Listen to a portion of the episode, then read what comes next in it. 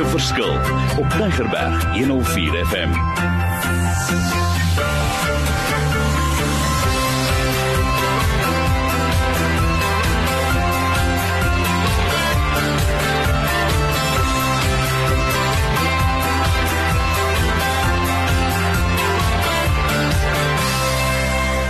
Wonderlik, my naam is Mario Denton, bedryfskundige en hierdie reeks wil ek nou juis gesels oor iets wat baie baie na my hart lê. En dit gaan oor die hantering van stres. Ek het verlede week vir julle 'n case study gedeel en ek gaan nou so ver as moontlik vir julle elke keer net so iets inrol. En wat dink jy van die situasie en ek verduidelik gou die volgende een en hierdie is werklike gevalle. Ek het die situasie net so verduidelik, ek haal name uit, maar werklike dinge. En een van die dinge wat ek baie maal ervaar wat daar stres is, is by die huis. En hoor wat sê hierdie persoon altyd as ek huis toe gebel het en gehuil het. So my pa net vir my sê, "Hoor hierso my kind, jy sal eendag die vrugte daarvan pluk. Hoor wat ek vir jou sê, werk hard." En dan skryf hierdie persoon baie keer wil ek net gehoor dat ek is. Okay maar ek wil nie my paale en my ouers teleurstel nie. Die probleem is ek kan nie met hulle praat nie. Hulle wil alles altyd reg en dit voel as ek met hulle praat, dan dink hulle my ek verskil van hulle en hulle ek het, is besig om hulle net teen te staan. Ek het die laaste tyd besef die persoon skryf vir my ek is eintlik bang vir my ouers. Ons gesprek het oppervlakkig geraak. Eintlik weet ek nie hoekom ek dit sê nie, maar ek voel my pa loer vir my oor en my skouers. Ek wil my jare eintlik omwens. Ek is onrustig. Ek is nie gemaklik met die lewe daar buite nie. So wat sê dit vir jou? Het hierdie persoon stres ja of nee? Natuurlik. En waar kom dit hierdie keer vandaan? By die huis. En hoe gaan ons dit verminder? Wow. Nou ek het 'n antwoord daarvoor en kan sommer nou al vir jou sê. Ek glo, hoor wat ek sê, as daar nou iets wat baie na my hart lê, ouers moet weer gaan vir 'n huwelikskursus, maar nie net dit nie, vir 'n parenting kursus asseblief. Ek wil dit herhaal. Kom meld aan vir 'n parenting kursus. En doen nou hierdie jaar net hierdie een ding. As jy ouer is met kinders, kom woon hierdie ding by of laat ek jou oplei. Want wat sê ek? Dit is so. Hierdie kind of hierdie persoon sit met 'n lae selfbeeld. Sy voel sy's onbevoeg, sy's onintelligent. En nou weet 'n ou en jy vra vir jouself waar het dit plaasgevind? En want ons is almal uniek en ons is spesiaal. Ons is gebore met 'n doel op aarde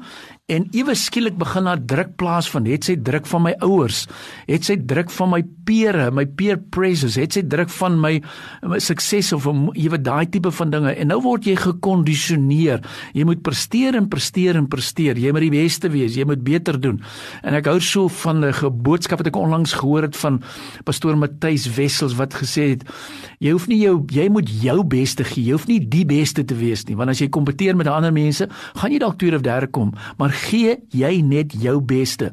So wat gebeur in hierdie situasie van die stres is dis baie duidelik daar is ongegronde vergelykings met ander mense, met die ander kollegas en nou vorm dit raak so eintlik jy word gemisvorm.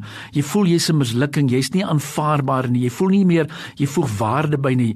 Jy sien nie positiewe verandering nie en die ding begin by dis 'n selfbeeld. Ek sal vir jou duidelik sê in hierdie situasie persoon voel minsaam, sy voel ek is dalk nie meer waar ek moet wees nie. Ek bou mure rondom my. Dis baie interessant in hierdie situasie bou mure rondom my want dis waar ek veilig voel. Ek wil sodat mure om my bou dat dit hoog is. Ek wil nie die ouens daar buite betrokke raak nie. Jy raak alleen, jy raak eintlik onderontwikkel. Die mense misverstaan jou. Nou, hoe gaan ons dit hanteer? Want in hierdie situasie is daar kommunikasiegapings tussen pa of seun of dogter en ook tussen pa en ma en ouers. En dit is as gevolg van kommunikasie maar primêr as gevolg van druk en stres in gapings wat net eenvoudig ontstaan het. En asseblief as daar ouers sit wat nou vandag na my luister sê Mario my seun het geen verhouding met my man nie. Of my dogter het geen verhouding met my my saam nie. Asseblief asseblief ek sê herhaal daai woord asseblief. Kom doen iets kry die inligting, stuur vir my, vra vir my. Want wat gebeur? Ons sal moet daai mure moet begin afbreek. Dit is gevaarlik. Ons sal moet die persoon moet opbou. Ons sal moet vir die persoon sê, "Wie is jy? Wat is God se roeping in jou lewe? Wat is jou potensiaal?" En dan moet daar vernuwing plaasvind. Want as jy met hierdie stres en hierdie druk sit en dag in en dag uit dag in en dag uit, op 'n stadium kom jy net agter dit raak te veel. En dan die vraag wat ek altyd vir persone vra vir alles ek hulle sien, sal ek sê, hoorie, praat gou met my oor jou stres. Voel jy jy kan iets doen daaromtrent? Voel jy dalk te neergedruk? Voel jy ek kan nie ontspan nie? Voel jy dalk rusteloos is? Voel jy dalk heilerig? Voel jy dat dinge is onteerbaar vir my? Voel jy dat ek slaap sleg?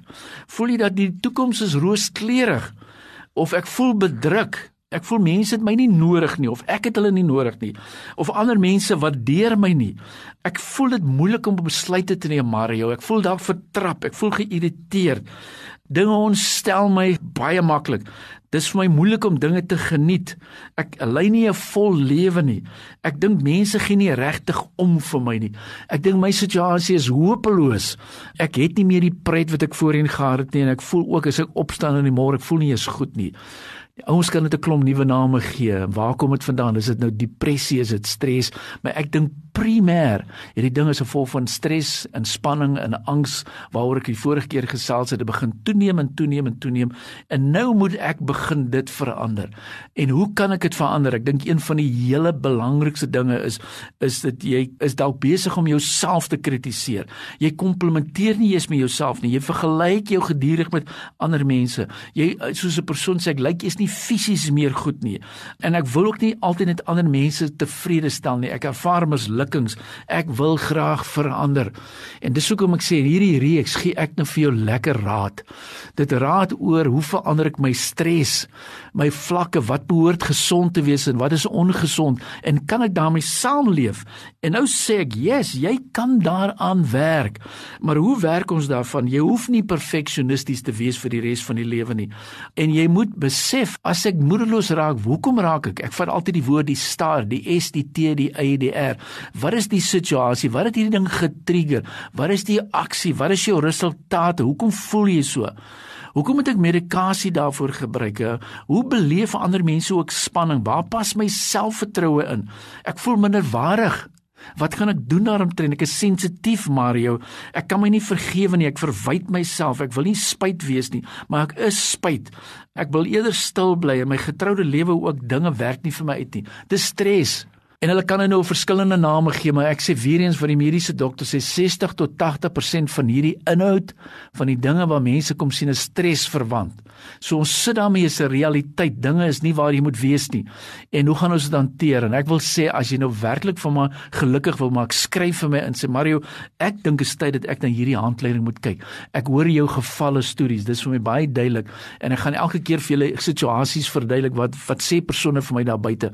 En as ek so mooi ontlede sê ek, "Jy hier sit stres. Hier sit iets wat nie uitgesorteer is nie. Hier is dit iets wat nie afgehandel is nie." So asseblief kom ons gaan kyk daarna. So week nommer 2, ek het 'n bietjie gesels oor verlede week oor wat is stres en wat is die spanning en wat is die angs en toe ek nou begin gesels kyk na algemene patrone en wat kan ons doen daaromtrent.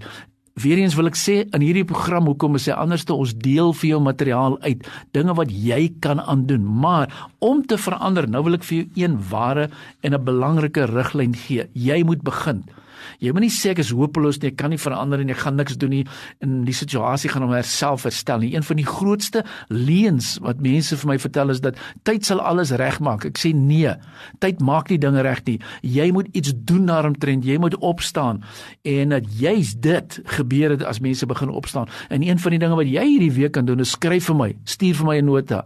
Herhaal vir my jou situasie, sit dit vir my op WhatsApp, stuur vir my jou e-mailadres aan. Sê vir my Mario, ek wil betrokke raak. Ek dink is hoogtyd dat ek deur die waarheid agter deurwerk en kyk waar al hierdie goedes vandaan kom. Ek wil my stres hanteer, ek wil gesond wees. Jesus, ek wil 'n sekere mate van stres gaan altyd daar wees, maar jy kan dit hanteer. Ek weet dit. En ek hou daarvan om hierdie goedes as jy vir my vrou hanteer ek dit op 'n geestelike basis.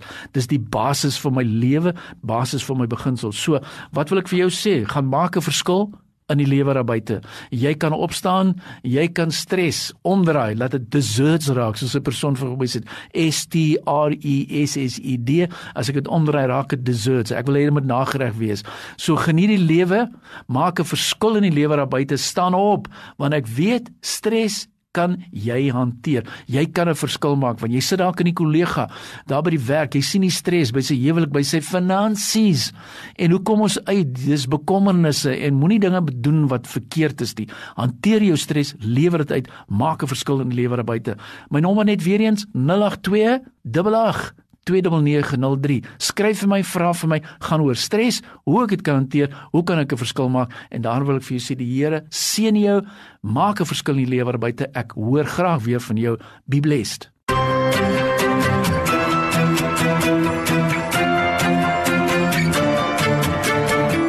Opnames van Maak 'n Verskil is te kry op Potgooi via Tigerberg 104 FM se app of te wel toepassing.